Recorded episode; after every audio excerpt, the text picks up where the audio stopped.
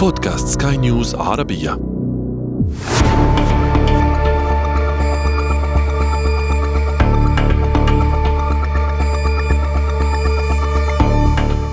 قبل أكثر من 180 عاما أجرى جراح إنجليزي يدعى روبرت ليستون عملية جراحية لبتر ساق أحد المرضى. لكن العملية انتهت بكارثة. أسفرت عن وفاة ثلاثة أشخاص. هم المريض والممرض المساعد للدكتور ليستون وشخص آخر كان حاضرا للجراحة. كانت تلك غالبا هي المرة الأولى والأخيرة في التاريخ التي تصل فيها نسبة الوفاة في الجراحة إلى 300% ولم يكن ذلك بسبب سوء تصرف أو قلة مهارة من الدكتور ليستون. في الواقع أن نسبة الوفيات خلال جراحات دكتور ليستون كانت مريضا واحدا من بين كل ستة مرضى وجعله ذلك أحد أكفأ وأشهر الجراحين في عصره. وفي الحقيقة أن الجراحة التي تحدثنا عنها تمت بدون أن يخضع المريض لأي نوع من التخدير بالتالي قد يكون منطقيا أن يموت المريض لكن لماذا مات الممرض؟ ومن كان ذلك الشخص الثالث في الغرفة والذي مات أيضا؟ هذا أنا عمرو جميل أحييكم وأنتم تستمعون إلى بودكاست بداية الحكاية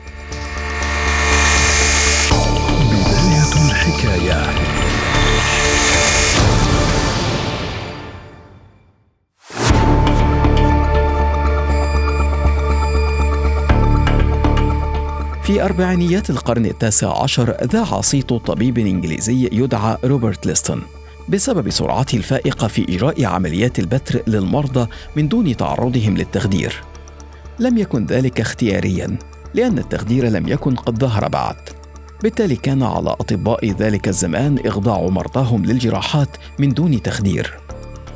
وكانت أكبر تحديات الأطباء هو القيام بعمليات الشق أو الفتح أو البتر بأقصى سرعة ودقة ممكنة للتخفيف من آلام المريض.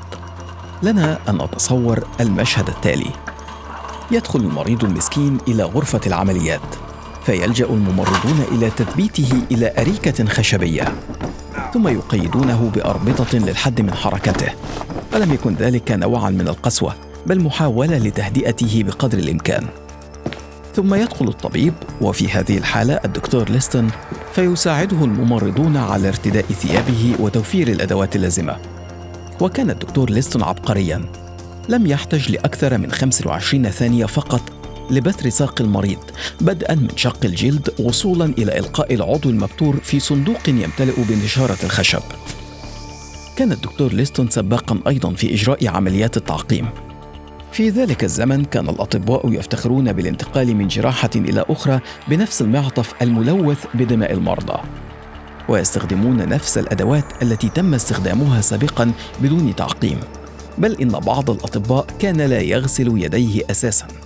أما الدكتور ليستون فحافظ على تعقيم يديه واستبدال معطفه بين كل جراحة وأخرى وغسل كل الأدوات التي يستخدمها.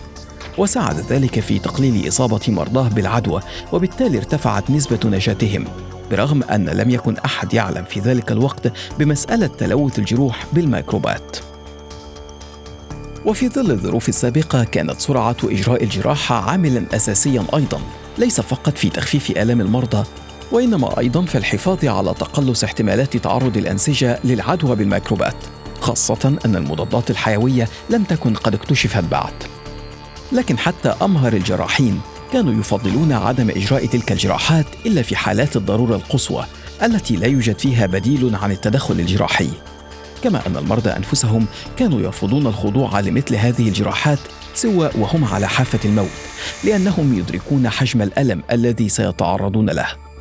طبعا كانت هناك محاولات لتخفيف آلام المرضى. في بعض الأحيان كان يتم تعريض المريض للإغماء قسرا حتى لا يشعر بآلام الجراحة. وأحيانا كان يتم إعطاؤهم مسكرات تقلل من الشعور بالألم.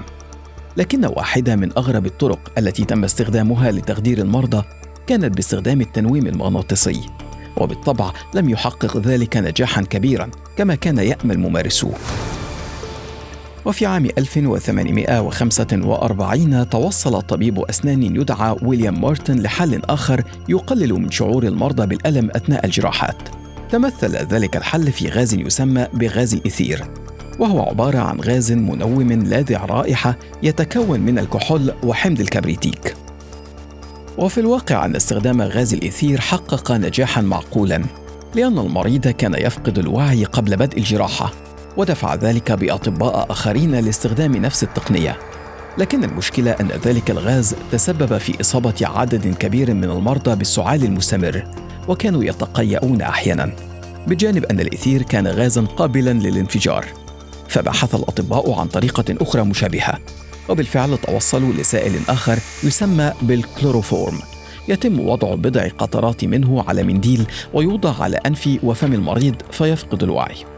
وبدا أن تلك طريقة فعالة خاصة أن الكلوروفورم كانت رائحته غير منفرة.